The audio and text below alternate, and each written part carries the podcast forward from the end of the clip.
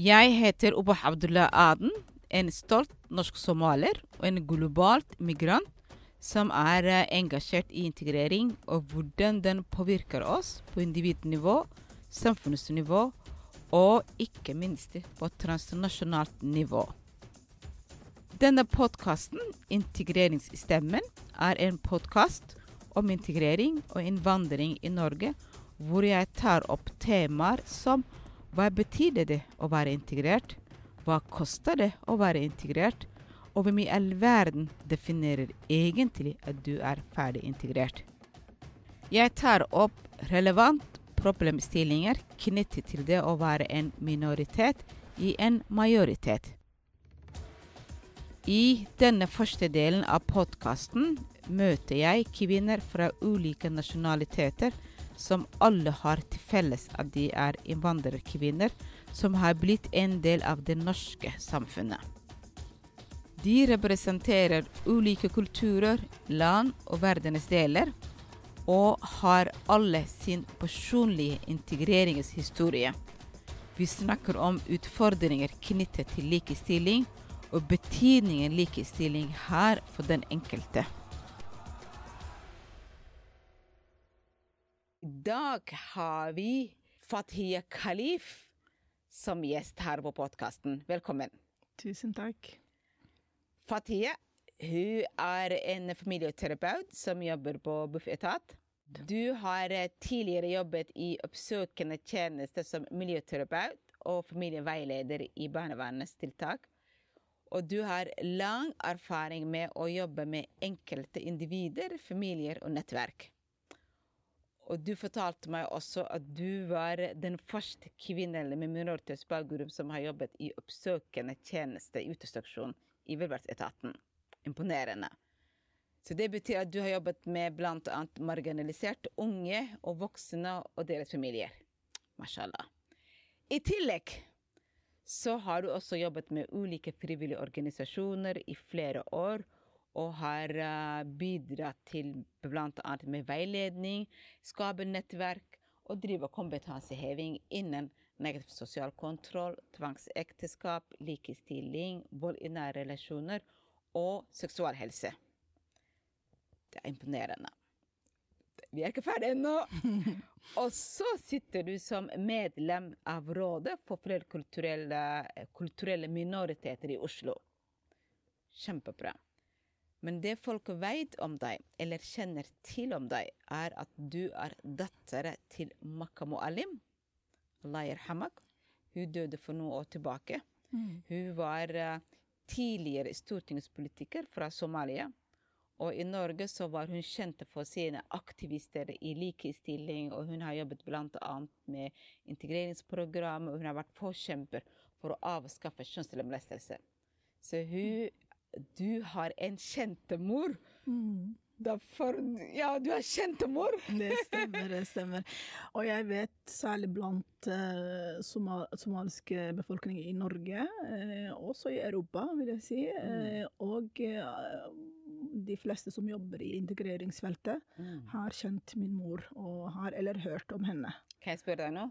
Ja. Har du arvet litt av hennes engasjement og energien og alt det der? Uh, jeg, kjenner, jeg, kjenner, med det, liksom, det, at det kommer eh, inn i eh, systemet mitt, holdt på å si, og at den på en måte er med meg. At hun er med meg, og at jeg kjenner hennes engasjement og og fordi jeg ser jo på en måte Jeg driver jo nesten sånn lignende ting som mm. hun, hun, har gjort, og det mm. synes jeg er en stor ære å få gjort det. Yeah. Mm. Du har arvet litt av det? Litt du jobber så mange med frivillige organisasjoner, og du har jo oppsøkende virksomhet, og ja, mm, du har arvet det. Ja. Og hun Jeg husker jo på en måte hun Når jeg begynte på uteseksjonen, eh, var jo noe som var veldig rart, også blant somaliere, å se en ung somalisk dame som går rundt Oslo sentrum sammen med andre som eh, en, en, mannlig kollega eller en kvinnelig kollega som ikke er fra samme land. Eh, og folk, Det er jo mange som har lurt på hva jeg driver med ja. der ute. det kunne jeg tenke meg òg. Ja. Så det var jo veldig spennende de første årene. Det var mange som stilte spørsmål. Eh, særlig sånn eldre menn og som satt på Oslo S og sånt, som var litt sånn Hva er det du gjør her? Jeg ser du Mm. går rundt her, hva er det du driver med? For det, det er jo et syn som er kanskje ikke helt vant blant minoriteter også, å Mm. se eh, unge damer gå rundt med sekk og albasjklær og Mm. sånn. Så det hele var litt sånn uvant Ja. ting. Men det jeg er stolt av, den er jo med elleve år på uteseksjonen, så er jo nå jeg har forlatt uteseksjonen og det har kommet først at flere med minoritetsbakgrunn har starta å jobbe der. Mm. Eh, for andre er jo på en måte at det er også blitt kjent blant minoritetsfamilier Mm. og befolkning i Mm. Oslo. Og at Mm. folk stopper meg dagen i dag og sier du har gjort et bra jobb, oh, og vi er yeah. stolt av deg. Yeah. Så det her er jo jobb som jeg har liksom En eh, arbeidserfaring som jeg har vært gjennom, og har liksom vært en sånn banebryter Mm. eh, som jeg er ganske stolt av. Det må det Ja. være, det. Jeg kan jo huske til og med mor syntes jo det var ganske spesielt at jeg jobbet ute Ja. eh, i oppsøken, og særlig på kveldstid. Ja. Det var noe sånn Og veldig treffer unge ja, som og har så alle har jo beskrevet sånn, særlig rusmiljø, åpne rusmiljø i Oslo sentrum, og Mm. kan jo bli sett som ganske farlig utenfor, Mm. de som står utenfor. Eh, så jeg kan jo kjenne igjen at folk var jo redde at jeg kanskje blir eh, holdt på å si stikket av eh, sprøyte, eller at, det, at noen ja, slår meg med sprøyte, eller slår meg ned på en annen måte. Mm. Men det har jeg aldri opplevd, og det har jeg aldri tenkt på at det skulle skje med meg. Så, Mm. og heldigvis det har ikke skjedd. Det har ikke skjedd. Mm. Men, men du har jo banet vei for flere andre. Mm. Du er jo ikke bare den første somaliske kvinnen, men du er jo den første med minoritetsbakgrunn Mm. som har jobbet uh, i dette feltet i flere år. Og nå er det flere som jobber der, takket være at du har gjort mulig at flere kan jobbe der også. Ja, ja, jeg var eh, i alle fall en av de kvinnene. Det var andre eh, minoritetsmenn som jobbet der, men ingen kvinner. Mm. Ja, det var to Mm. andre minoritetsmenn som har jobbet i mange år på uteseksjon før Mm. meg. Mm. Eh, men jeg var den første kvinnelige min- med minoritetsbakgrunn. Mm. Noe som også bibildet kunne se. Man kunne se gjennom bibildet Mm. at det var uvanlig. For det er en ting at det er en mann som kan drive med oppsøkende eller har, jobber ute. Men en, en, en ung kvinne som jobber ute, var jo syn som var ikke vant også. Men hvordan var det å være den eneste hønen blant hannene. ja. Eh, Eller Den ene er eh, en, eh, hvordan folk der ute ser deg, men i selve organisasjonen, når du er den eneste kvinne Nei, jeg var ikke eneste kvinne, bare med eneste Minoritet- kvinne med minoritetsbakgrunn, ja. Ja, men, men det er jo mange norske, med norsk bakgrunn som, ja, som jobber, flere kvinner som jobber der. Okay. Så det var, men, men når det gjelder jente med, eller sånn, en ung jente, nyutdannet eh, Mm. sosialarbeider, eh, rett til eh, å jobbe i åpne rusmiljøet, det er jo den bildet som er kanskje ikke mange er vant til å se. Men nå ser jo rusmiljøet også annerledes ut enn det har vært gjort i tolv år siden, Ja, eh, siden jeg jobber der. ja. Eh, Så det er jo en jobb jeg er veldig stolt av og har lært mye av hvordan både systemet i Norge fungerer. Ja. Jeg har lært også at jeg kan være en som er eh, på en måte eh, gir mulighet at andre kan Jeg tror det var også ikke eh, kjent blant minoriteter også. Det var ikke det normale stedet man søkte arbeid. Så det var jo også noe som å, å jobbe i Men jeg ble jo hel, eh, sånn introdusert ut i seksjonen faktisk av en annen somalisk mann som jobber der Mm. som sluttet, var på vei til å slutte, og så har jeg møtt han tilfeldig på en av de frivillige sent eh, sentre i Oslo sentrum. Mhm. Og, og han som, det er han som har på en måte fortalt meg utseksjonen, og har oppmuntret meg faktisk til å søke jobb der. Mm. Det var, jeg visste jo ikke hva utseksjon var eller før jeg begynte der. Ja, Men så nå jobber du ikke der. jeg jobber ikke der nå. Nå jobber du på familievernkontoret yep. som familieterapeuter. Yep. Mm. Hva innebærer familieterapeuter? Familieterapeuter, hva det innebærer? Eh, Familie, å jobbe i familievernet og, og være familieterapeut, der innebærer si, de som jobber der, eh, er jo både psykologer og familieterapeuter som Mm. jobber. Det er det normale eh, si, ansatte som jobber der. Eh, som familieterapeut så er jeg jo, min jobb er jo å drive terapi, terapeutisk samtale med par, eh, også enkeltpersoner. Det er å drive mekling. Mm. Det er å drive eh, foreldresamarbeidssamtaler.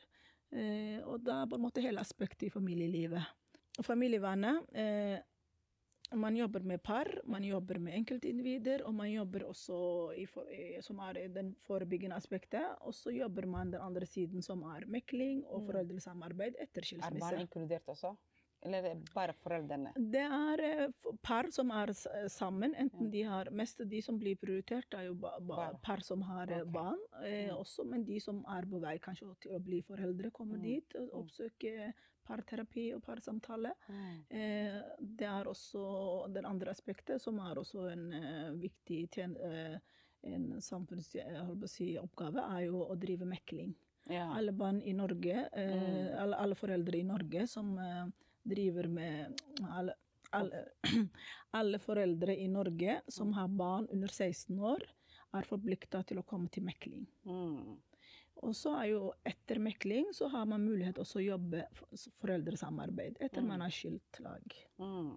Mm. Så familievernet jobber jo både aspektet av forebyggende, og så jobber den aspektet av etter, eh, holdt på å si, etter skilsmisse og foreldresamarbeid. Og så finnes jo kurs for par, det finnes kurs for enkeltindivider, det finnes kurs for eh, foreldre som har skilt lag. Mm. Så det er også en Så det jeg på en måte Min arbeidsoppgaver er jo delt på den terapeutiske delen, og det er også delt den med at, jeg driver mekling. Mm.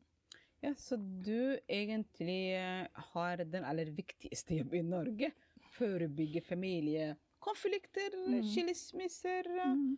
Det er jo, det er jo en enormt viktig jobb. Ja, det er en eh, stor eh, samfunnsoppgave, vil Ja. jeg si. Eh, og det er jo en, på en tjeneste som jeg hører at det er få som kjenner til det. Yep. Det er sant og riktig. Og særlig folk som er nye ny i Norge, holdt på å si, og folk som eh, ikke er vant en type eh, offentlig tjeneste som familievernet er. Det er jo et gratis tjeneste til eh, hele befolkningen eh, i Norge. Eh, og, og, Men ikke bare ni i Norge. Jeg tror eh, jeg ser meg selv som godt voksen, oppdatert, selvstendig menneske. Mm. Men jeg visste veldig lite alle disse rollene Mm. eh, og, og, og mulighetene man kan få familievernkontoret, da jeg trengte en gang i faktisk en, åtte år siden. Jeg dro den bare for å skrive under eh, ja, noe. Eh, Og så, og så var det det. Men hadde jeg visst at de hadde meglingsmuligheten, kursing for andre Ja, hvordan kommunisere med Mm. eh, den andre partneren, hvordan det,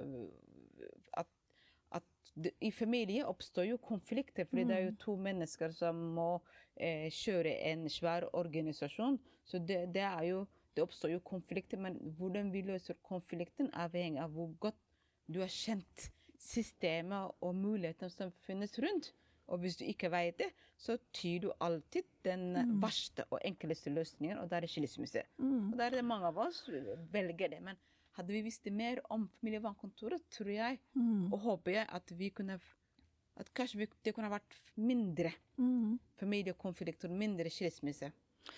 Ja, og det er jo noe man eh, tenker stadig man jobber med, at, eh, at familievernet sprer informasjon. Eh, Jeg var jo nylig i dag på voksenopplæringa og Ja. har jo holdt informasjon om familievernet til Så du folk. reiser rundt og holder foredrag om Nei, ikke for meg. Jeg holder ikke sånn for, for, Det er jo litt sånn ulike tjenester og ulike måter å drive med, men inform, informasjon for, for eksempel, man har jo funnet ut at det er viktig at, og, at familievernet kommer ut mm. og, og gir informasjon til befolkningen. Mm. Eh, særlig også de som ikke er vanligvis De som ikke kjenner systemet finnes yeah. i hele tatt. Yeah. Eh, og derfor er det viktig f.eks. av voksenopplæringa. At, vi, vi, at vi går hele familievernet i Oslo.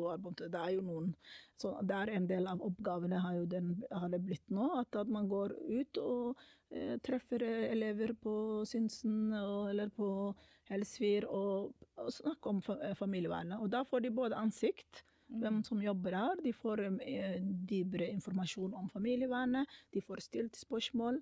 Eh, og så særlig i dag, eh, fikk jeg, så nylig i dag, da fikk jeg høre at eh, en eh, dame som sa at hun har vært i Norge kanskje fire-fem år. Og hvis hun hadde visst om familievernet når hun kom til Norge og ble etablert i en kommune, så det kunne vært en tjeneste hun ville ha brukt. Ja. Og hun var veldig overrasket at det har aldri, den informasjonen har ikke kommet ut ja. til eh, særlig folk som er nye i Norge, eller folk som ikke kjenner systemet, og ja, som ikke vet at det her uh, fins. Fordi folk, mange blir jo overraska at det er gratis system, og at, Mm.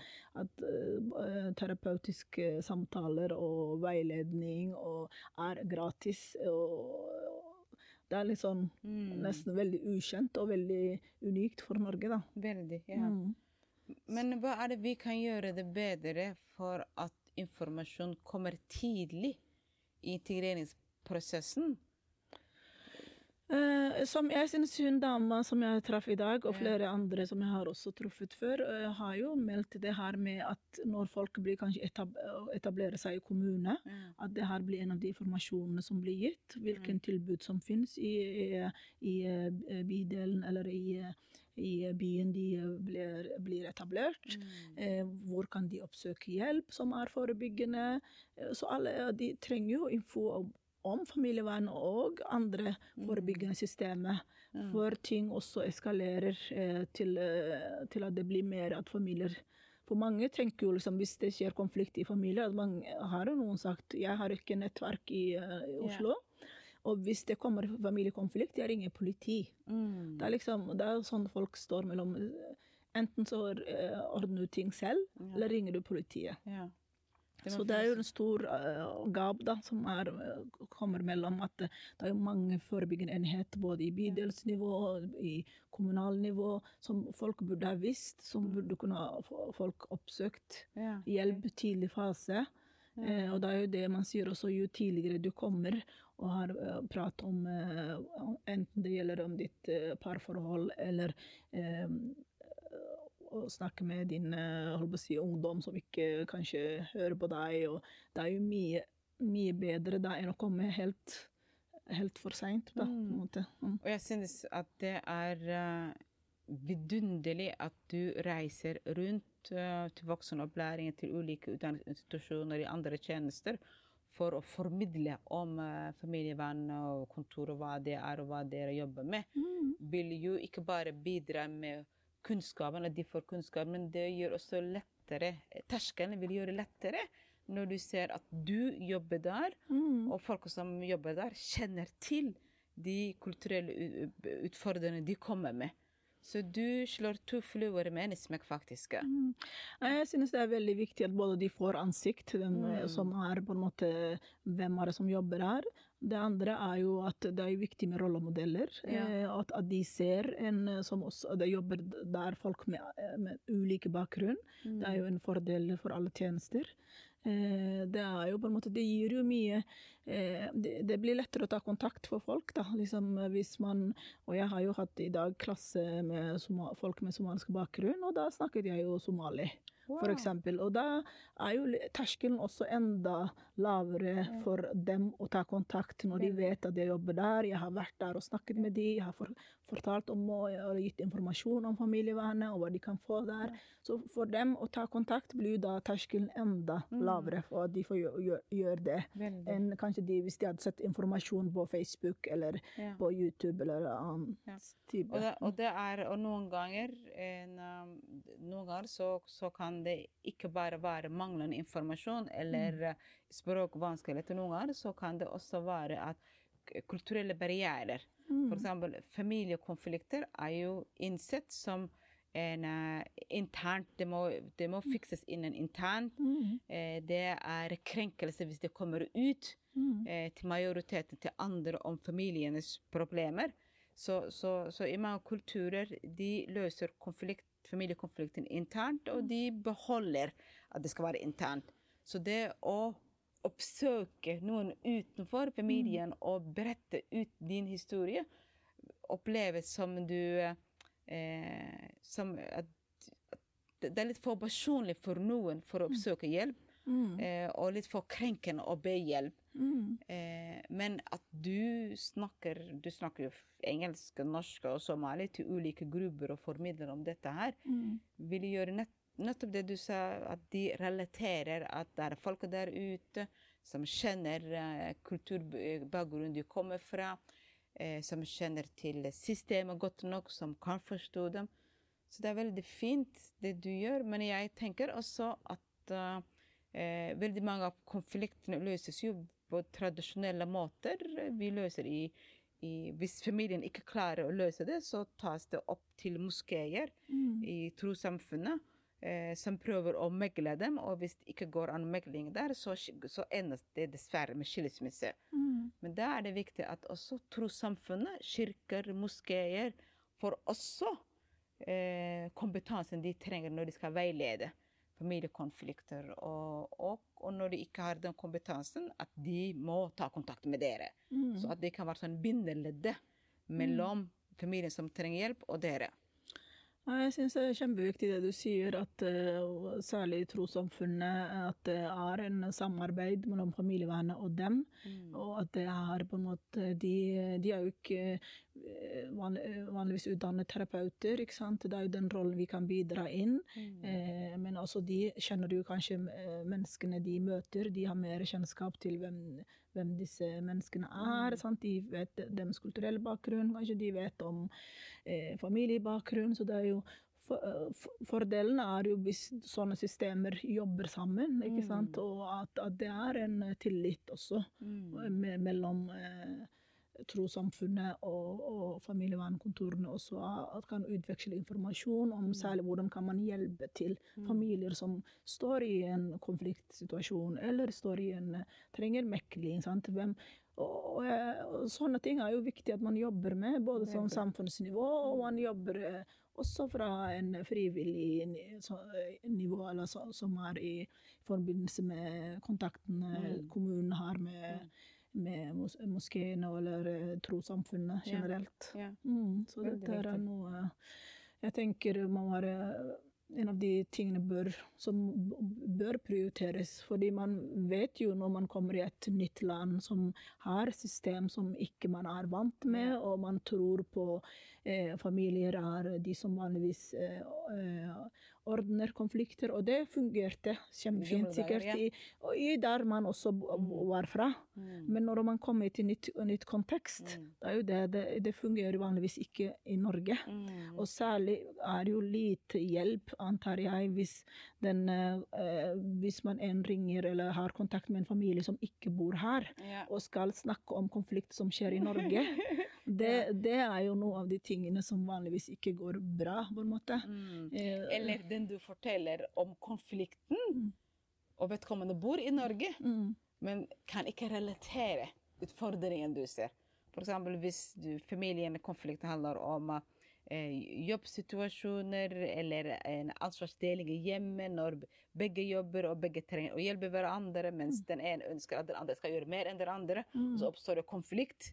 mm, Og så tar du konflikten til f.eks. moskeer eller, eller kirker, eh, som ikke kjenner til den arbeidskulturen der ute og byrden, oppgavene som gjør, stresset som medfører. mm. Så plutselig så kan det oppleves at den du forteller historien din, ikke kjenner til det du forteller om.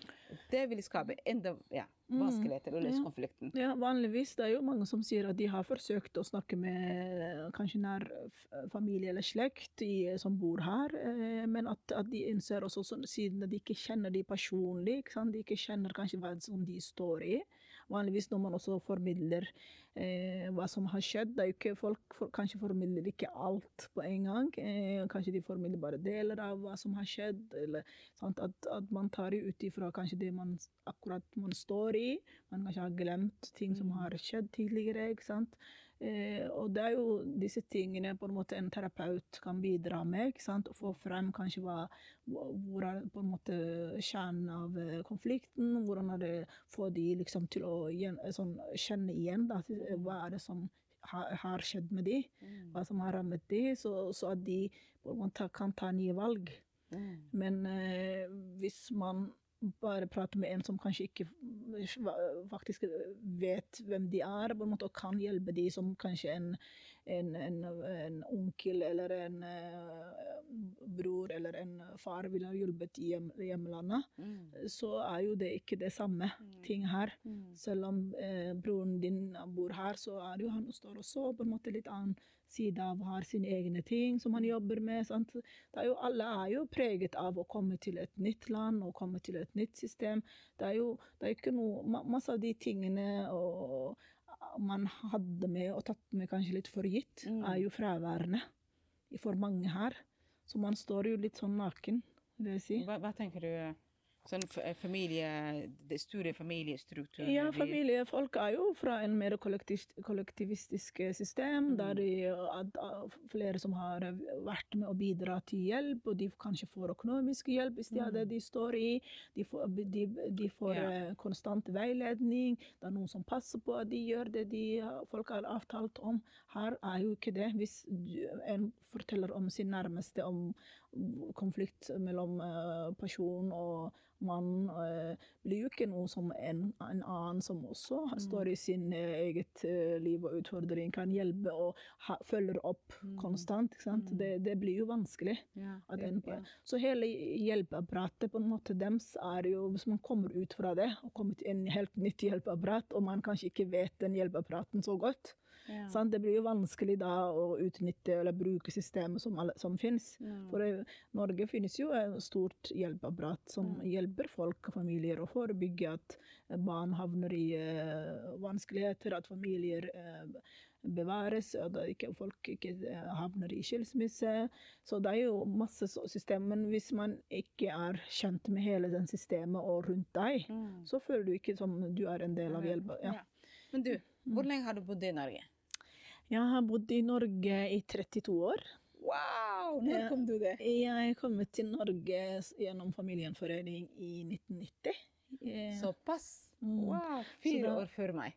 Så min far som kom hit først, Ja. eh, som politisk eh, asylsøker, eh, og han, eh, han fikk asyl- eller flyktningstatus her, og vi kom hit rett før krigen brøt Ja. ut i, eh, i Somalia. Så du har ikke opplevd eh, krigen? Jeg har heldigvis ikke opplevd, men jeg har opplevd eller, en sånn bi, bi eh, holdt på å si, side av eh, Ja. krigen. For jeg har jo møtt familier som har opplevd krigen, Ja. som har eh, sett mye.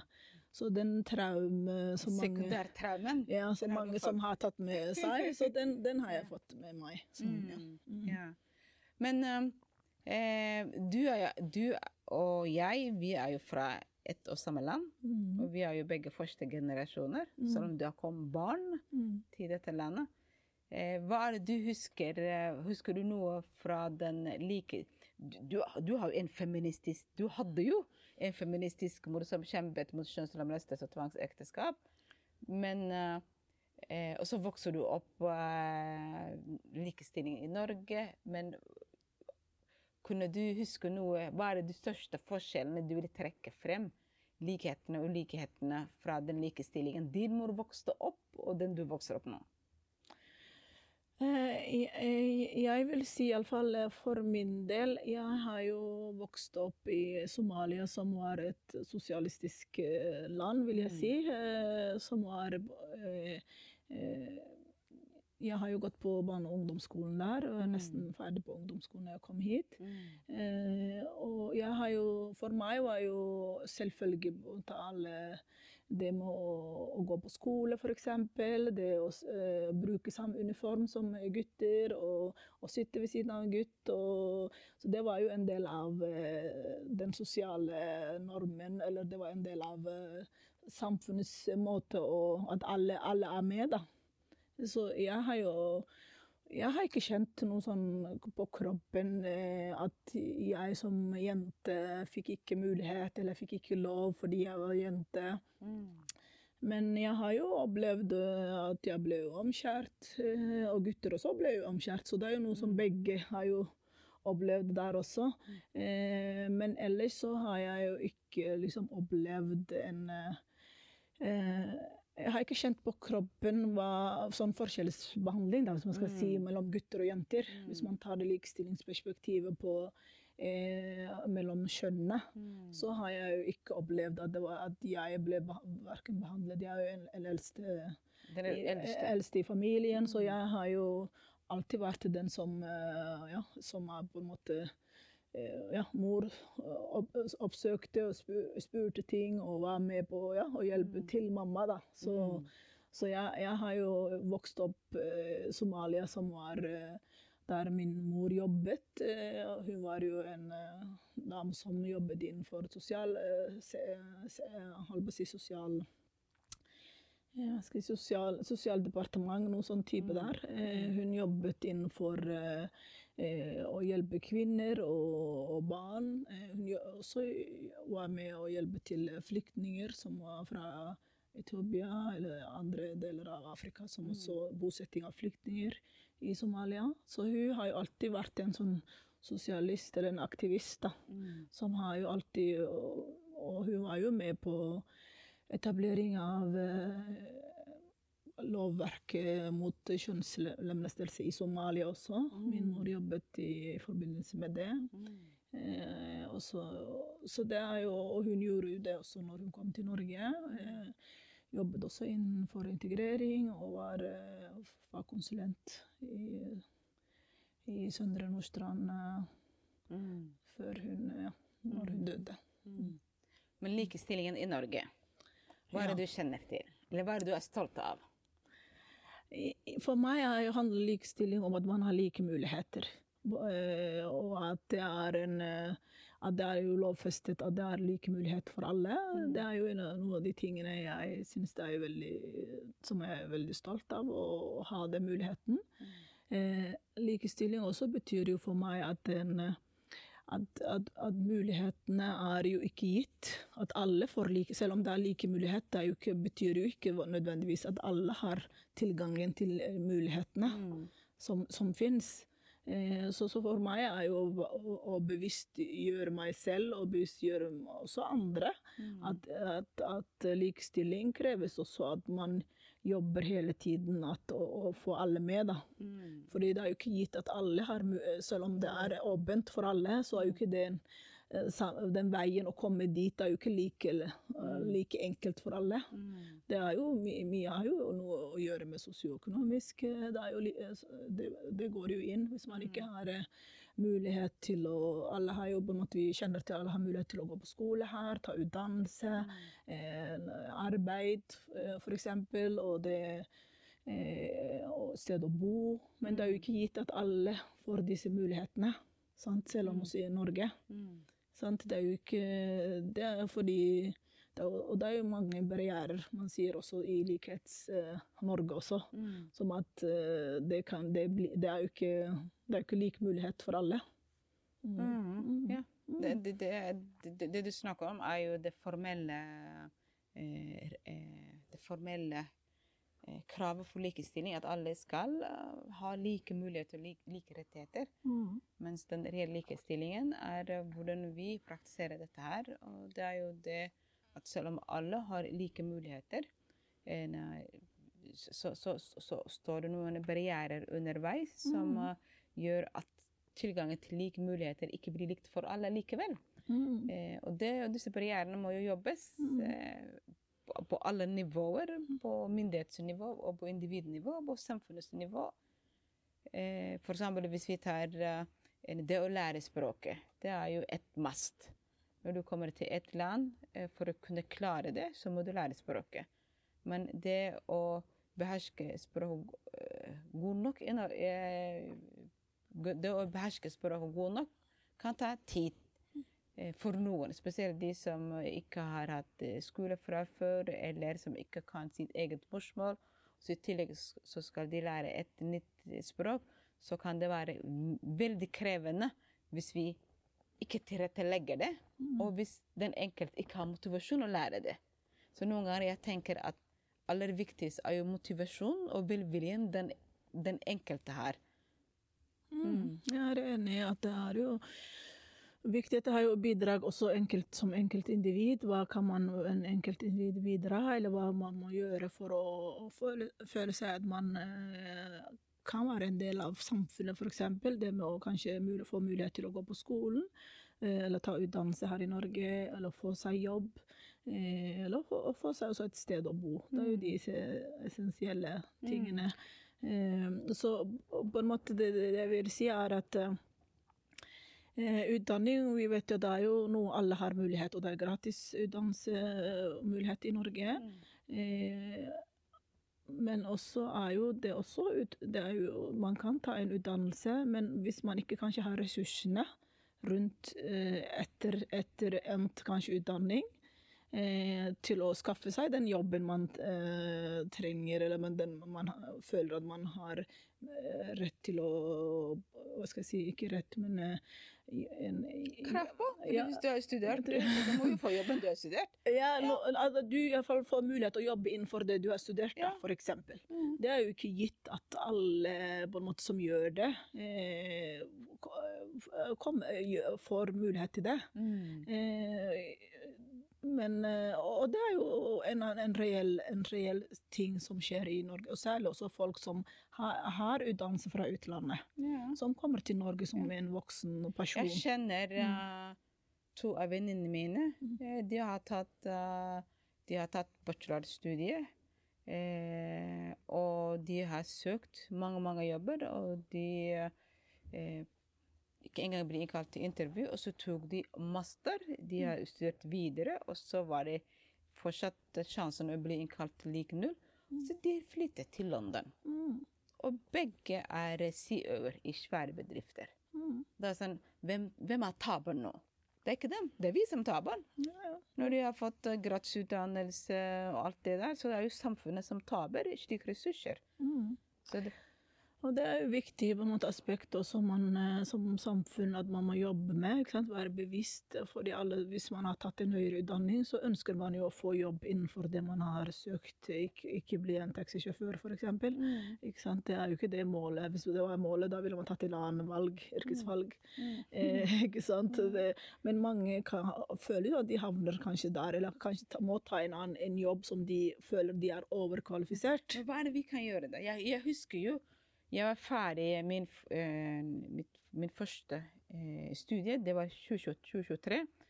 Eh, ferdig utdannet bachelor i offentlig styring.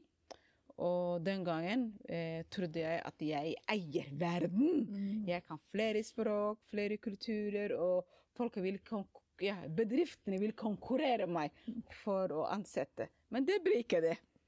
Eh, de første eh, stillingene jeg har søkt, var sånn OK, det er bra at du kan, og det er bra at du, at du har eh, slike erfaringer og kompetanser og utdanning, men eh, har du erfaring Jeg søkte jo saksbehandlerstillinger på en UDI. Mm. Eh, og så var det sånn Ja, det er fint at du søker hos oss, men har du erfaringen? Mm. Men hvor, hvor erfaringen kommer jo etter du blir ansatt. Mm. Det kommer ikke før du ansetter meg. Jeg er akkurat ferdig utdannet, så jeg trenger å praktisere det jeg har lært. Ja, det er sant, men så er det ikke det i praksisen. Du må ha erfaring. Så etter flere runder, takket være denne damen, så spurte jeg men hvordan får jeg den erfaringen som jeg trenger. Ja, men kanskje du kan prøve å jobbe praksis på de stedene du har lyst til å jobbe, sa han. Ja, og da begynte jeg å jobbe praksis på trygdekontor. Ja, og fra der Min første jobb Min første fot i arbeidslivet mm. var ikke den vanlige jobbsøkerprosessen. Det var gjennom nettverk. Nemlig. Og det er slik jeg har kommet inn. Og det er jo det jeg ville si også. Det er uten nettverk, og det er jo det kanskje mange som ikke er herfra eller har kommet her til Norge, ikke har med. ikke sant? Du, hvis, hvis uh, Nettverk er jo det som skal til mm. mange ganger for å komme seg i arbeidslivet i Norge. Eh, og, og, og, de som faller vanligvis utenfor, er jo de som har lite nettverk eller ikke riktig nettverk. ikke sant? Det er jo, som jeg sa tidligere, en av de første jobbene altså på uteseksjon også, fikk jeg jo høre om uteseksjon gjennom en nettverk. nettverk. Mm. Eh, og en som ja. Eh, jeg traff, som også kjente min mor. En av de tingene han tok kontakt med meg. Han- ja, så det hjelper å ha en kjent mor eh, i miljøet. så han tok jo kontakt med meg, for han så meg at jeg sto eh, på frivillig, Frivilligsentralen i Os eh, Grønland Mm. og ville jobbe frivillig der for å komme meg inn i arbeidslivet. For jeg søkte også et par jobber når jeg var ferdig bachelor i sosialantropologi yeah. og ville komme meg inn i arbeidslivet. Men jeg fikk eh,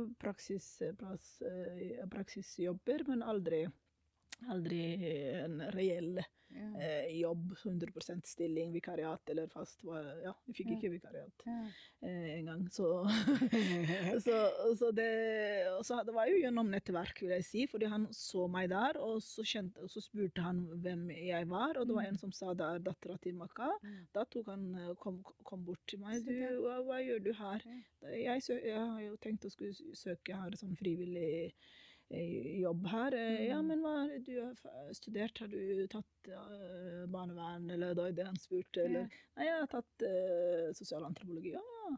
Har du jobbet med noen ungdommer og sånt? Ja, jeg har jo jobbet eh, litt med ungdom på Røde Kors og sånn, sa jeg. Eh, Så da bare, men du må jo ta kontakt med Jeg skal jo slutte der, og, men søk jobb der. Mm. Så det var jo på grunn av at de kjente han, og han har ja. på en måte anbefalt meg Ja. og mente at jeg kan eh, gjøre den jobben. Og det er jo derfor jeg fikk mulighet til intervju. Jeg fikk mulighet til å komme inn der som vikariat. Tenk på det. Ja, eh, og, og, og, og sånn er jo det. Eh, Jeg har jo også gjennom eh, jeg har, jeg har jo gjort også nå gjennom min karriere og rekruttert folk inn der jeg jobbet, både Mm. på uteseksjonen, på andre steder i, jeg har jobbet. Og har anbefalt andre, og da blir jo også de tatt. Og det er jo i realiteten Det sies jo at 70 70 av stillingene som utlyses, får meg gjennom nettverk. Mm. Det er en realitet vi kan ikke unngå, selv om vi ikke hva, vil. Og hva skjer med folk som ikke har den muligheten og den har nettverket da, Ja. som kreves for å komme seg i arbeidslivet? Ja. Da faller jo de utenfor, og, og det hjelper kanskje lite hvis man har en master eller en, eh, en bachelor eller hva enn det Mm. er. Finnes det organisasjoner som jobber med nettverksbygging, kanskje? Finnes det det? Eh, Ikke som jeg vet, men kanskje det burde man ha eh, gjort. Ja. Mm. Eh, Men det er jo sånn hvem kjenner hvem, ikke sant. Eh, Sånn har jo det alltid vært. Ja. Eh, Så, så jeg, en av de grunnene også jeg har tatt master i familieterapi, er jo jeg visste for meg muligheten å komme til familievernet. Eksempel er vanskelig med en videreutdanning eksempel i familievern. Jeg må ha en master, iallfall en god, solid kvali kvalifikasjon for å, å bli Ja. vurdert. For det er jo også ikke lett å komme inn i familievernet, fordi det er jo de som jobber der, trives og jobber der i mange år. Det er jo ofte veldig få stillinger som er lyst ut. Ja. For det andre også, når man ikke har nettverk innenfor det systemet der, ja.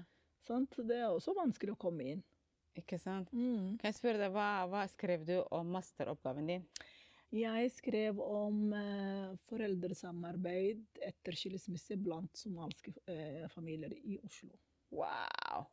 Så Spennende, heftig tema du valgte. jeg valgte på bakgrunn av både Det her er jo en Jeg opplevde jo at blant somaliere er jo skilsmisse, særlig når man kommer til Vesten, har Mm. vært en tematikk som det snakkes om gjennom hele nivåer i, eh, i, familie, i familie, familiesamtaler. Mm. Det snakkes om i de offentlige rommene også. Mm. Hvorfor er det så mange som skiller seg? Det er ikke bare somali i det er somali i diaspora. I diaspora. Ja. Ja. Og det er veldig interessant å undersøke hva er det som forårsaker Mm. skilsmisse.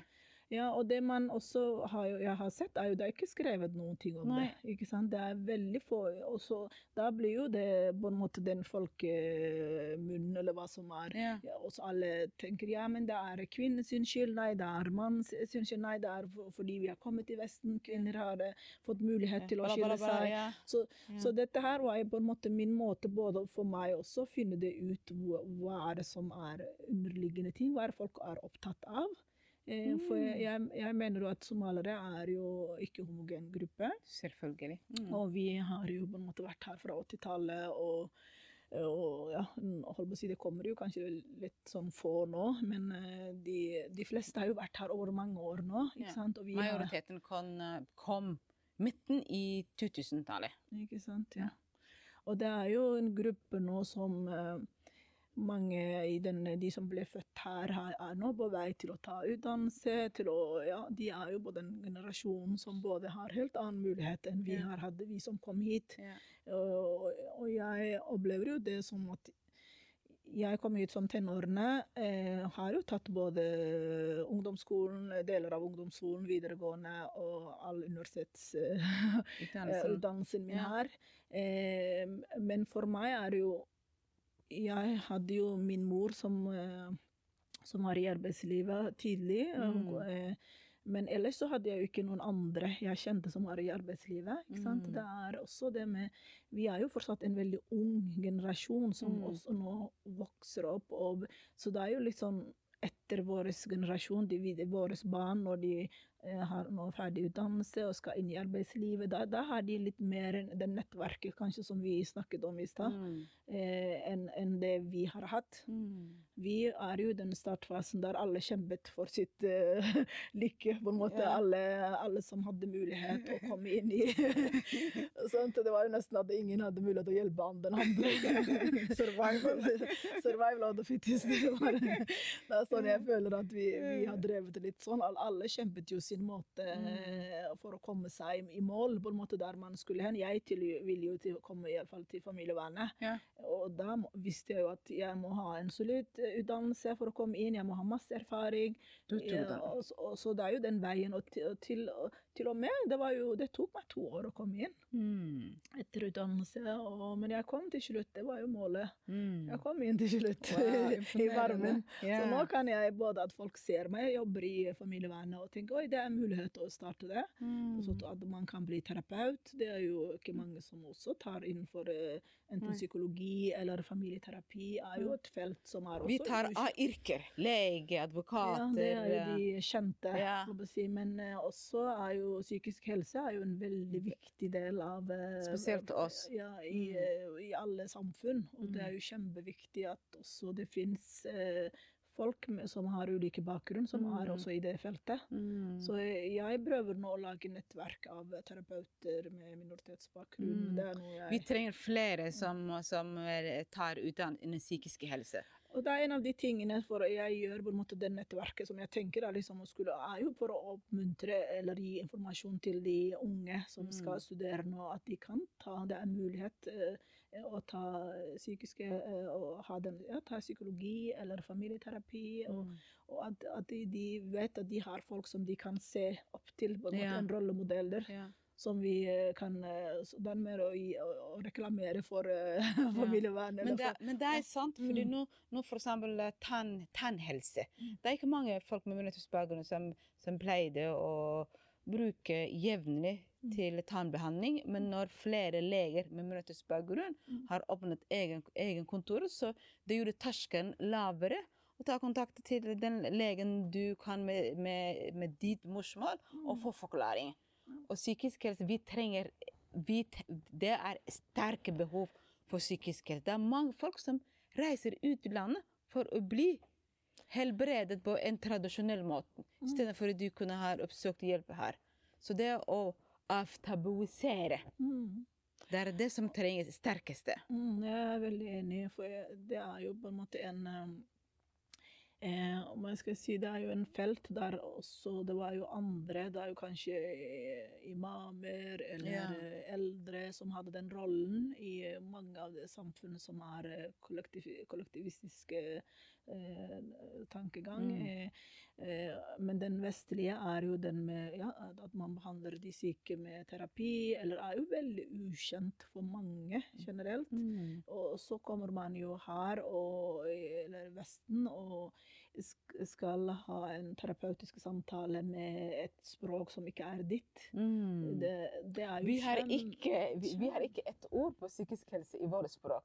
Nei, vi har bare ett ord, tror jeg. Er det ikke det? Sånn til all, all, all type psykiske problemer. Hva er det? Wally. Ja, det er Wally.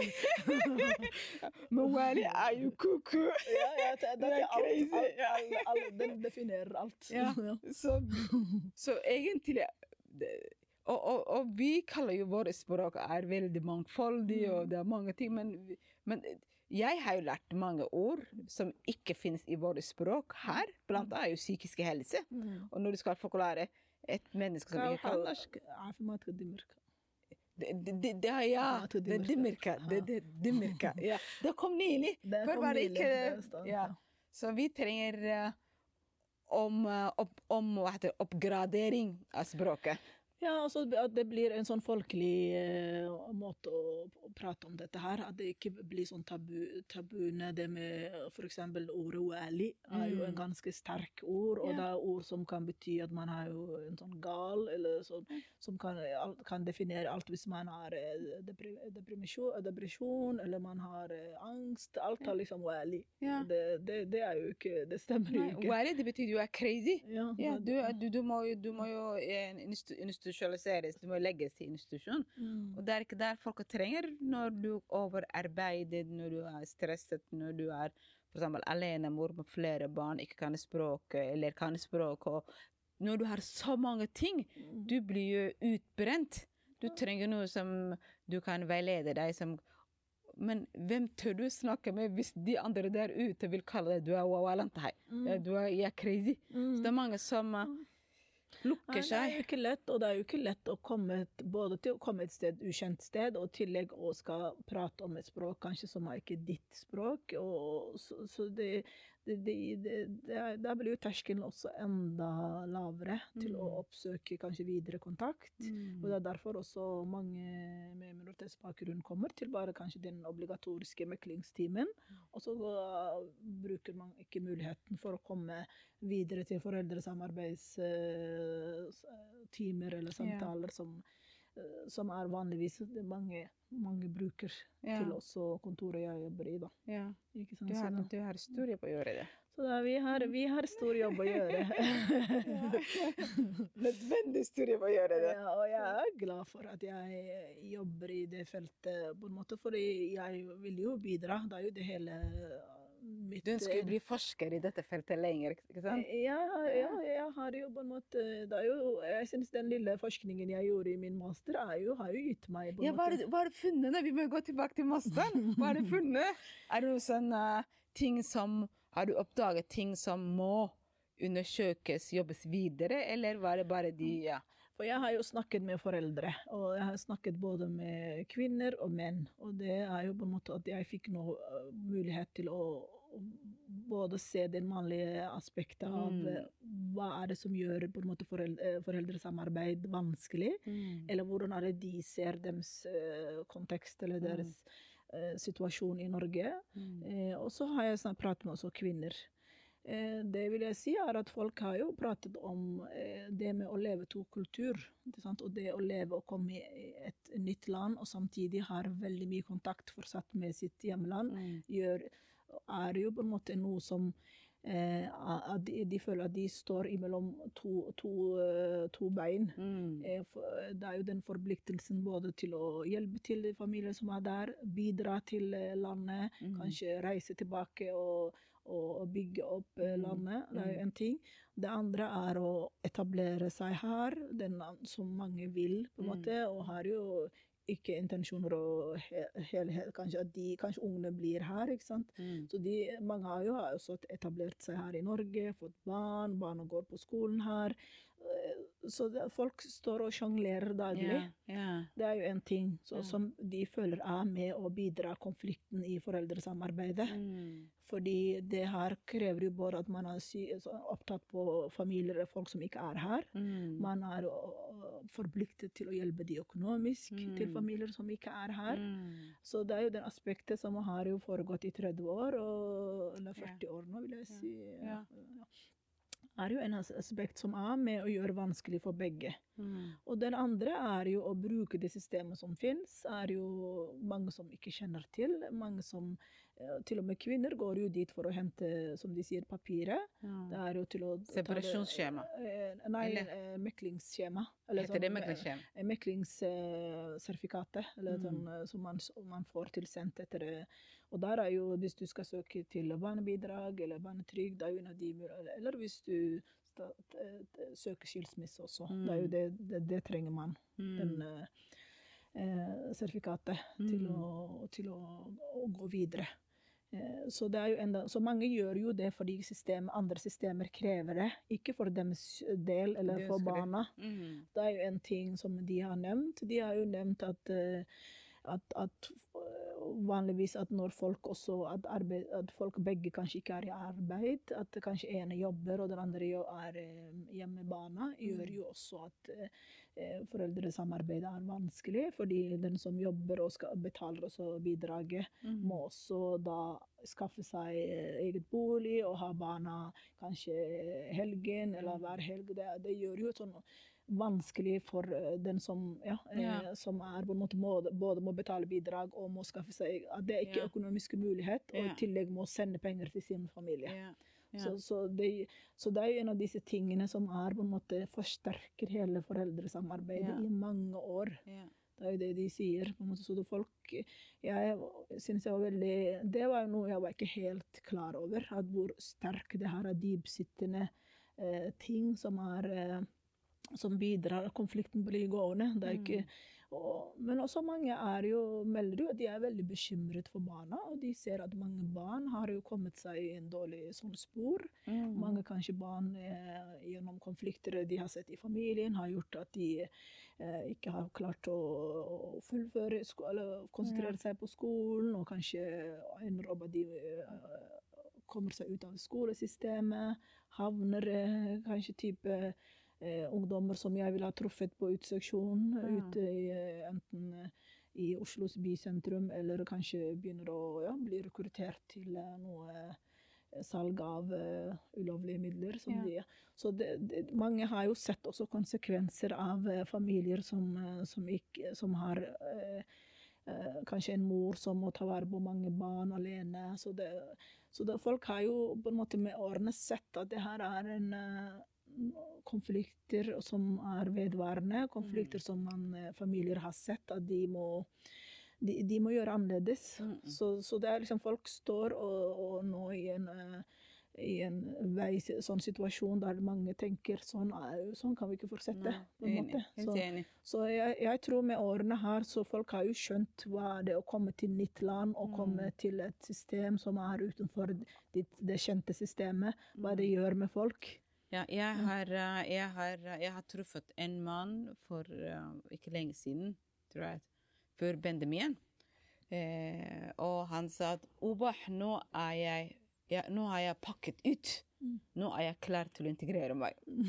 Og han bodde nesten ti år. Ja. Ja. I hodet hans så, så, så var han ikke Han var ikke stabilt. Han hadde fot hjemmeland og en fot her. Skal, han, skal han reise tilbake? Skal han bli her? Men barnets oppvekst venter jo ikke. Mm. Livet går. Mm. Så den faren som var eh, en, eh, i ambivalent situasjon, hvor den familien hans påvirket, er jo nettopp det du har oppdaget i masteroppgaven din. Hvor familier som har mange konflikter på samtidig. Den ene er at når de har konflikter med dårlig kommunikasjon eller eh, en ulike forventninger i livet, påvirkningen i hjemmeland det, det er jo masse ting der. Men det andre er at når de har bestemt seg å gå fra hverandre, og hvor den ene er i jobb og må betale barnets bidrag, og i tillegg må skaffe seg bolig, det vil jo Det det er jo hele lønna hans går jo ut der. Mm. Så hva han sitter igjen og dekker sine utgifter, det er ingenting. Så derfor tenker jeg at arbeidet du har begynt, det må du bare forske. Du må bare jobbe med det. Tror ikke at noen andre har jobbet på dette feltet. Men om de gjør det, så det må gjøres mer. For vi trenger svar. Hva, hvis familien, hvis vi ikke bretter ut våre utfordringer, vi finner ikke løsninger. Mm. Og løsningene myndighetene kommer, vil ikke hjelpe oss, fordi de ikke kjenner våre utfordringer. Men når vi forsker, når vi prater om det, da vil løsninger komme. Og flere vil våge å fortelle. Jeg ser ikke som det er et tabu å snakke om familiekonflikter. Og som du sier, nå folk er moden å snakke, fordi de er fed up. Mm. De drukner av masse ting som de ikke kan alene løse det. Så nå har vi muligheten, tror jeg, og håper jeg, og mener jeg, Mm. at nå er vi i en fase Vi har kommet i en fase hvor vi er moden nok til å anerkjenne våre utfordringer. Vi er ferdig å peke hverandre. Mm. Vi er ferdig. Nå må vi jobbe. Hvordan finner vi løsninger? Vi ser våre barn sliter på skoler. Vi ser våre barn er overrepresentert i statistikken, enten det er drop-out i skolen, enten det er barnevernssaker, enten det er kriminalitet. Det er ingen foreldre som ønsker at barnet deres skal havne i gale retninger. Vi ønsker at barna våre skal lede verden. Men for å kunne hjelpe barnet, vi må hjelpe For å kunne hjelpe barnet, vi må hjelpe familiene og foreldrene. Det er jo kjempeviktig, og jeg er på en måte eh, stolt liksom, for at vi kan jo være de vi som har vært her lenge nok, kan jo nå, og som har fått barn her og sett utfordringer som mange eh, familier møter, kan være med å bidra til at endringer kommer. Ikke sant? At de Mm. som har kommet etter oss, Mm. ser hva vi har gjort. Mm. For det er jo når man er i eh, ukjent, det er jo da man bare er inne i mørket og går rundt og vet ikke hva man skal, eh, liksom, hvor skal man hen. Mm. Men nå er jo på en måte litt sånn åpning vi har Mm. fått til, og vi har sett en av de tingene vi, vi har utfordring. Det er jo på en måte at vi også innenfor vårt miljø jobber de som har eh, Både de som er politikere, de som er, eh, jobber i eh, forskjellige deler av i staten eller Mm. kommunale nivå. Sant? Alle er med. Dette her er ikke bare en persons jobb. Det er jo Mm. alle skal bidra til, og derfor er det viktig som en av de tingene jeg er veldig stolt og opptatt av, er jo å, Mm. ha, å skape møteplasser, f.eks. Eh, i ulike bydelene. Yeah. Det er en av de tingene jeg snakker med blant mødre om. Eh, vi har nå ja, hatt samlinger i ulike deler av Oslo. Eh, Bjerke, Grorud Mødrene. Mødrene. Ikke bare fedrene. Fedrene har jeg ikke kommet til, men jeg er på holdt på å si, en, en vei til å finne, finne veien. holdt på å si. Men jeg, jeg synes mødrene det er jo et startsted for meg. Og det er jo fordi mødrene også har jo de som har mest omsorgen med barna. Mm. Ikke sant? Det er jo også den delen. Jeg tenker hvis man At mødre utveksler erfaring, utveksler og snakker om den tematikken. Vi, snakker, vi har presentert bl.a. blant annet for kvinner en, en måned tilbake, somaliske kvinner, Mm. en gruppe på Sagene, Mm. eh, om eh, min masteroppgave. Og vi har snakket om foreldresamarbeid Ja. etter det, og folk var jo eh, veldig engasjerte. Og vi, vi, skal jo også fortsette nå, vi skal snakke om psykisk helse. Så vi har liksom Jeg kommer med å hjelpe til litt sånn ta den hovedtematikken, men det er diskusjonen går rundt, og det er det, alle hører eh, ting kanskje de ikke har hørt før, eller de gir, gir hverandre informasjon. Det er også informasjon videre. Det er sånne ting å jobbe litt lavterskel, og jobbe informasjonsdeling, og jobbe med hvor kan man få hjelp, og jobbe med ja, hvordan skal vi eh, få, få, få endring på dette her. Hvordan skal vi hjelpe barna våre? Mm. De som har både havnet i eh,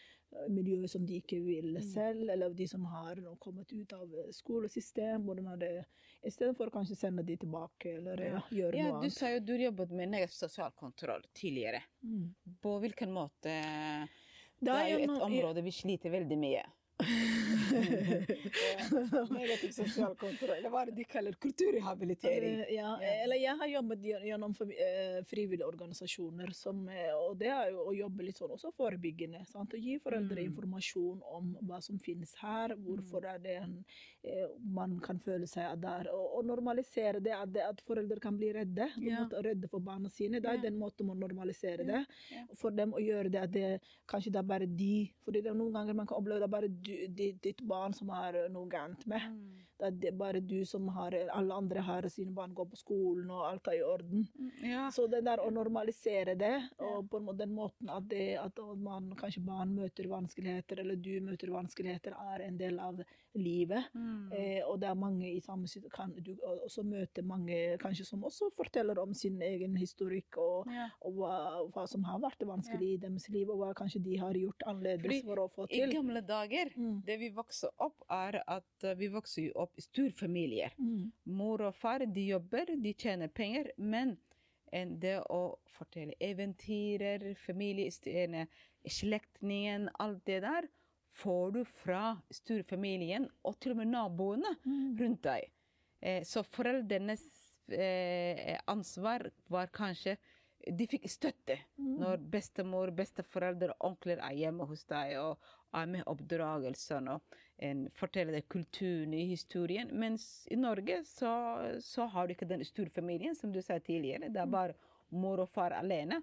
Og da må de fylle inn en, alle eh, oppgavene, ikke bare eh, vår eh, Når min datter begynte på barnehagen, nå er hun nesten 20-åring, når hun begynte barnehagen, så var det en psykolog som sa at uh, jeg kan mer en eh, somalisk oppdragelse enn norske. Fordi han var gift med somaliske damer, og han bodde i Somalia mange, mange år. Så han sa det somaliske oppdragelse består av tre ting. Det er det at barnet har fått mat, at barna er i trygge, i- i trygge omgivelser, at barna har fine klær. da var oppdragelsen oppfylt. Eh, mens de andre, det med emosjonelle eh, det, det med eh, ja, emosjonelle connection, den, det å styrke psyk- psyken med barna alt det der var jo stor familie, naboer, som har, som har bidratt til.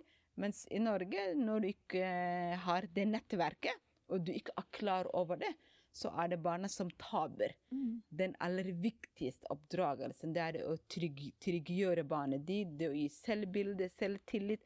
Det der kommer jo ikke bare i skolen eller, eller eh, offentlige rommet, men det må jo starte hjemmefra. Og når foreldre ikke kan det, så er det barnet som taper.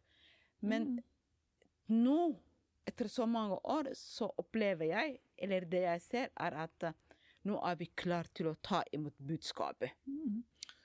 Og, det, og, jeg tenker også det er jo kjempeviktig å dele hverandres historier. ikke sant? Vel at, at ingen er unike på sitt historie. Det Mm. med eh, i, i informasjon eller, sånn, for, eh, eller få mulighet til å å, fortelle om, uh, om hverandres livshistorier og hva som har uh, Er jo på en måte en, en At det også foregår på sitt eget, sitt det, det, sitt eget sånn språk som alle behersker Mm. selv, er jo med å bidra, som jeg sa, både at eh, ting blir normalisert, at ting, eh, kanskje utfordringer blir blir tatt opp, ting som kanskje folk ikke turte å si høyt. De får uh, tillit på en måte fra andre, eller ser at det er tillatt å prate om utfordringene, og, eller også prate om hva man har fått til. Det er jo like, like viktig, det.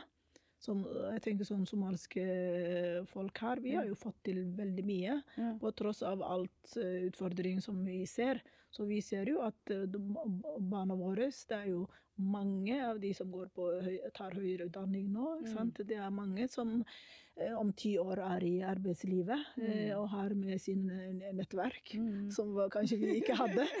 Ja. Så det er jo, vi har jo, det er jo somaliske som har fått til. Man, God utsikt utsikter. ja, eh, jeg er veldig på en måte, Jeg ser eh, at det er eh, Og man er stolt av at eh, det er jo generelt mange som får til, på tross Mm. av de de utfordringer som de har hatt med Mm. å både å komme til et nytt land, lære nytt språk og komme seg gjennom systemet. Kanskje de, de første eh, våre foreldre har ikke fått til, Mm. eller de som har kommet her som voksen. Mm. Men neste de som er født her eller vokst opp Mm. her, har jo de fleste får jo til. Mm. Så det er også mye vi må huske å dele også disse suksesshistoriene våre. Mm. Ikke sant? At Mm. jeg kommer dit jeg kommer nå. Jeg er jo kommet fordi, fordi min mor har pushet meg. Sant? Jeg har sett at hun har på, kommet til et nytt land og måtte etablere seg flere ganger gjennom Europa. og og, jeg starta å lære nytt språk i voksen alder. Begynte å jobbe i integreringen. Sant? Jeg har jo henne som rollemodell? Mm. og jeg vet da også jeg Og det også gjør mulighet når min datter også Mm. tar eh, Mm. fullfører nå masterstudiet snart. Din datter? Min datter hun, eh, ja, hun har gått litt sånn hennes eh, mormor sin eh, spor. da. Hun, har- hun tar statsvitenskap Ja. og tar master, så jeg er kjempestolt av henne. Så jeg tenker, hvis det ikke vært de kvinnene før meg, Ja, jeg ville ikke ha også gjort det her. ikke sant? Ikke sant? Så det er jo veldig viktig at vi ser det lyset også. Ja, Ikke sant? Helt enig. Mm. Men jeg tror at uh, nå er vi i andre generasjons somaliere som vi går inn. Mm. Hvis, hvis vi begynner, ikke de som kommer i 80-tallet, Mm. de er jo tredje generasjon, men uh, majoriteten av somaliere, nå er vi i andre generasjon som vi går. For mine barn er jo født, og dine barn er jo født her. Mm. Og vi kommer jo i Vi er ikke født her. Eh, om femte generasjon så tror jeg at eh, det blir ikke null integreringsproblemer med sommer. Nei, ikke si femte generasjon, andre generasjon. Nei, tredje generasjon, kanskje. Tredje generasjon, ja. Nei, jeg, jeg tror det blir bedre og bedre. Og, og, fordi det er jo ikke å, si, å ha med bagasje, eh, store bagasjer med i å komme til et eh, eh, nytt sted. Det gjør jo med oss alle. Eh, Det Men, jo men det vi har ekstra belastning vi har, Mm. som kanskje en, ikke andre minoritetsgrupper med krigsbakgrunn. Fordi vi, noen har jo kommet som arbeidsinnvandring, og de har jo valgt å komme her. ikke sant? De er ute etter å forbedre livet sitt. Mens andre som krigsflyktninger, de er jo tvunget til å flytte. Så det er en annen fase. En, men det vi har ekstra, som jeg ikke har hørt fra andre minoritetsgrupper, er familiebruddet vi sliter. Mm. Vi, vi, familie, den somaliske familien er i oppløsning. Det minoritetsgruppen ikke har, kanskje jeg, jeg vet ikke, i hvert fall jeg har ikke hørt eh, f- eh, ja, ikke hørt, men det vi har som er eh, ekstra belastning, er familieoppløsningen. Det er vi har veldig mye familiekonflikter, veldig mye skilsmisser, som barna våre betaler prisen nå, og som vi ikke snakker høyt om det. Og som du har jo forsket, du har jo gjort masteroppgave, og prater vi mer om dette her, så finner vi løsning på det. Og du er jo veldig fokusert mødrene. Så fordi hovedomsorgen er jo mødrene som har det. Mm. Men jeg, jo, jeg tenker også fedrene er viktig å Mm. løfte dem opp. En, uh, jeg var veldig kritisk mot fedrene, og jeg er fortsatt veldig kritisk mot fedrene. Fordi de har jo sviktet eh, deres ansvar. Men samtidig så anerkjenner jeg uh, utfordringen, og hvorfor må de gjøre det, det de har gjort. Og For meg så tenker jeg at det er ingen vits å peke, men for barnets best, vi må finne løsninger. Det er ikke nødvendig at de må være sammen i familie. En, De må velge det som er best for dem, men de må jo prioriteres. Barna, barna er eh, det, jeg, ja, det er det første min prioritering. Barna må være den aller eh, prioriterte i konfliktsituasjoner. Hva mor og far velger, det er opp til dem, men fokuset må være hvordan vi trygger barnets oppvekst på beste måte. Og det er jo det som er på en måte foreldresamarbeid. Å tenke hva er det barna trenger, hva er barnas, og sette barnas eh, behov først. Og så Mm. kommer det foreldrenes behov eh, som tredje eller fjerde eh, nivå. Eh, og det er jo det man jobber i eh, når man tar opp det tematikken i, eh, i familievernet, eller som veiledning i Ja. feltet. Eh, så, men også, vi må jo huske Jeg, jeg tror sånn som- somalisk kultur er jo også eh, Det er jo ikke tabu å skille seg, og det er jo Mm. bra. På en måte at folk har mulighet til å, og, og særlig kvinner har mulighet til å gå ut av forhold, eller når de ikke føler seg de, det er noe de vil Mm. lenger. Mm. Og den muligheten som kvinner har, er jo en del av at, at vi, den likestillingen kanskje vi har fra vårt hjemland, skal yeah. jeg si. Yeah. eh, som er på en måte, Jeg ser det som en bra mulighet, at kvinner kan velge å komme seg ut av et forhold. At det må ikke være et ulykkelig forhold. Eh, Mm. ja, men, og det å samarbeide med faren til barna er jo noe helt annet. Mm. Eh, og, og, og, det er noe vi bør altså Jeg tenker er stolt av vår kultur, har gjort oss at kvinner har er, alltid levd litt sånn selvstendig yeah. ja, liv. Eh, Mm. har aldri vært avhengig av en mann til å gjøre henne lykkelig. Mm. Vi har jo det ordtaket som jeg også skrevet i masteroppgaven min, heller være gift 30 ganger enn, Ja, å, være ja. enn å være ulykkelig gift. Så det, det gjelder jo fortsatt for somaliske kvinner. Vi har jo, du har sett i Vesten, vi har jo jeg har hørt om det at familie, vi har hatt eh, fester yeah. for kvinner som har skilt, yeah. og sier at eh, vask Oh vekk alt eh, det, det du har opplevd, Ja. og gå videre med livet ditt. Og det er jo Jeg tenker det er jo kjempe... Det, sånne det, ting? det var gjort eh, i Europa, Vest, Canada og sikkert andre steder. Skilsmissefest. Ja, og, men det er på en måte en feiring. bort uh, Ja, det er på en måte feiring på at du er på en måte inn, og at det her er noe styrke. Det er en kjempestyrke, Ja. og det er noe at familien støtter deg i det. ikke sant? At det er, og man merker jo det hvis at de fleste kvinner på en måte Familien din støtter jo deg i forhold til konflikter, og at det er veldig sjeldent at folk eh, ikke opplever den type støtte fra sine nærmeste. Og det er jo en av de tingene at både også mann, eh, familien hans eh, støtter han, og, og, og kvinner, det, kvinnes familie støtter eh, henne, og det er derfor også skilsmisser blir mulighet, at alle tenker OK. Men det er jo på en måte, jeg tror det som vi har tapt litt her, er jo når vi ikke har med oss den eh, nettverket og den erfaringen fra vårt hjemland med hit. Vi har ikke med våre eh, besteforeldre og bestemødre som holdt på det her familiene Mm. til å holde sammen, selv om eh, eh, skilsmisser var en, en realitet. Mm. Sant? Det, de, det er de som har på en måte vi har, vi har mistet av den generasjonen. Det er jo tap av den generasjonen som har gjort oss at vi har blitt veldig sårbare, Mm. vil jeg si. Mm.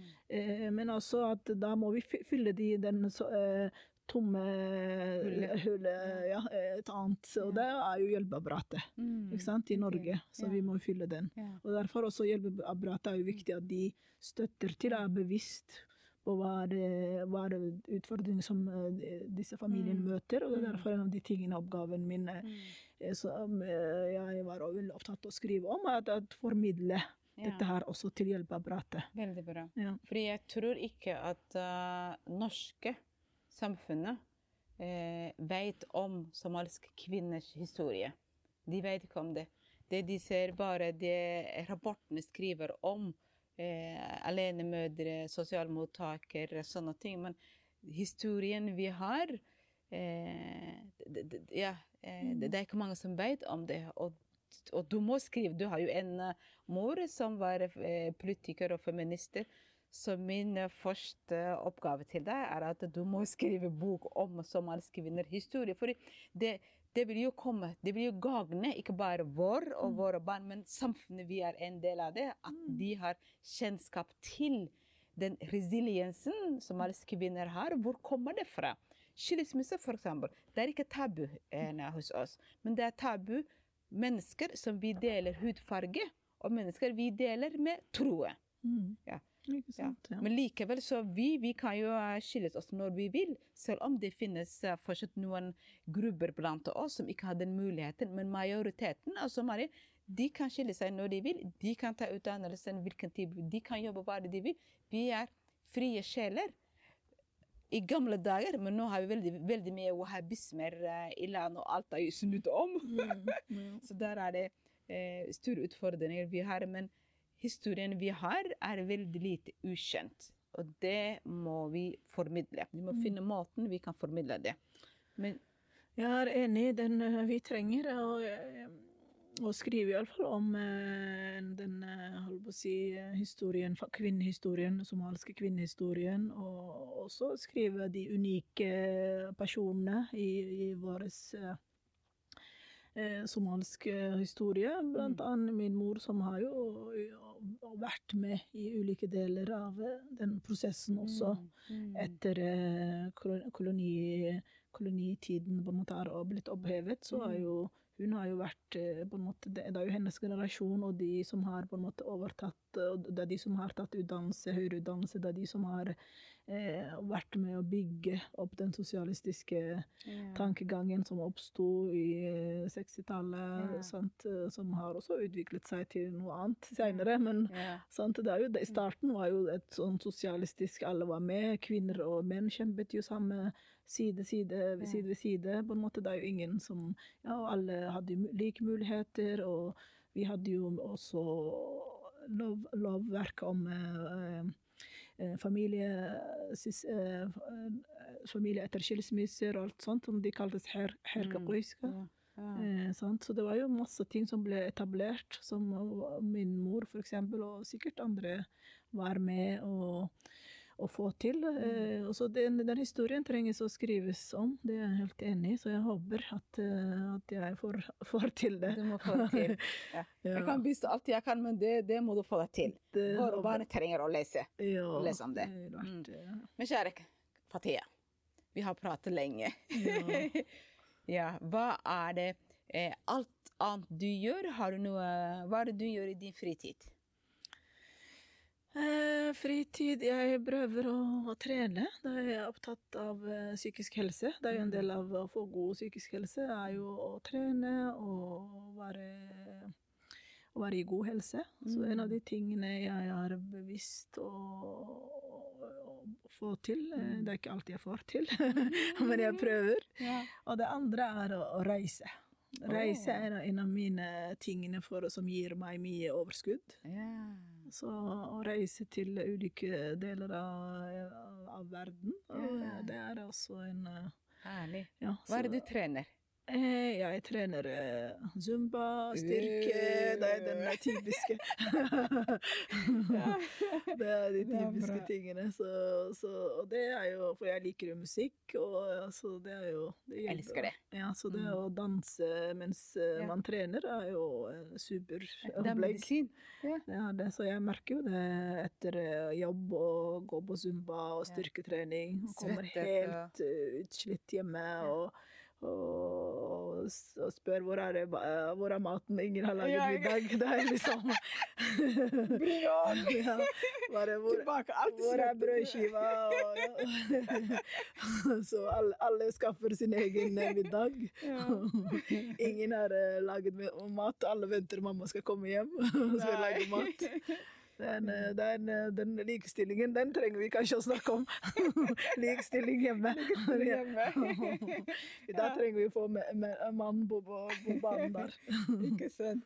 Men eh, noen kloke ord som du vil avslutte, som lytterne der ute vil huske etter de, ja, etter de hørte vår eh, prating. Hva kunne du ha avsluttet? Jeg, jeg er opptatt på sånn familiehistorie. Eh, og jeg vet som barn av flyktning, holdt på å si, det er jo ikke mange som har tatt med, med seg sin historie, eller sine deler av sin historie, eller hva hadde vi, de hadde med seg, eller hadde eh, noe fra ja, før krigen, og så for meg var det jeg har en eh, sånn gamle bilder av eh, både meg og tanter og så en av de, og vi har sånne familiealbumer som vi, som tanta mi har også i Italia, som vi prøver alltid å stjele. Bilder hele tiden. Så for oss, jeg tror som familie, vi er veldig opptatt eh, av sånn, vår sånn familiehistorie, og det er, eh, jeg tror kanskje det er en sånn savn av det vi, eh, den familien vi var, og sam, savn av kanskje den, det landet eller de vi har mistet. Eh, For meg er eh, ikke sånn klok eh, Men det er liksom familiehistorie er en Vi må ta vare på ta, ta, familiehistorien. ja, ta vare på vår uh, historie. Det er jo ikke gitt. Jeg, jeg ble veldig imponert. Det var en uh, somalisk fyr som så som holdt med å arkivere eller, av gamle sånn somaliske bilder. Ja. Som hadde utstilling i Oslo. Ja, ja. Eh, så, det, Og det var rørende. Jeg besøkte ja. eh, museet. Det var rørende å se de bildene og gjenstandene. Oh. Mm.